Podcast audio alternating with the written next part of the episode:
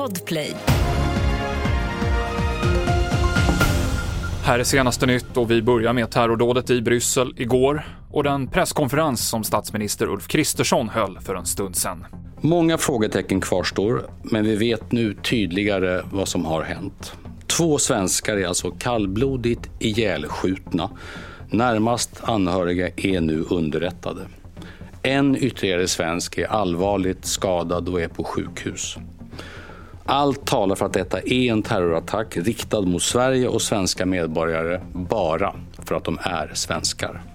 Det är naturligtvis belgisk polis som håller i den här utredningen men det är så just de just nu värderar situationen.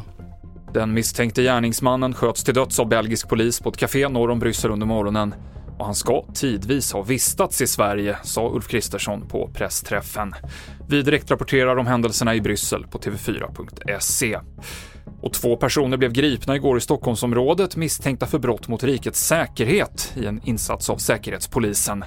De är anhållna misstänkta för grov obehörig befattning med hemlig uppgift. Det skriver Åklagarmyndigheten i ett pressmeddelande idag.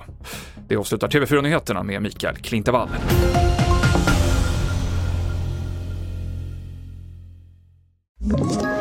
Ett poddtips från Podplay.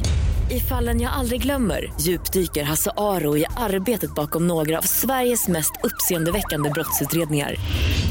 Går vi in med hemlig telefonavlyssning och, och då upplever vi att vi får en total förändring av hans beteende. Vad är det som händer nu? Vem är det som läcker?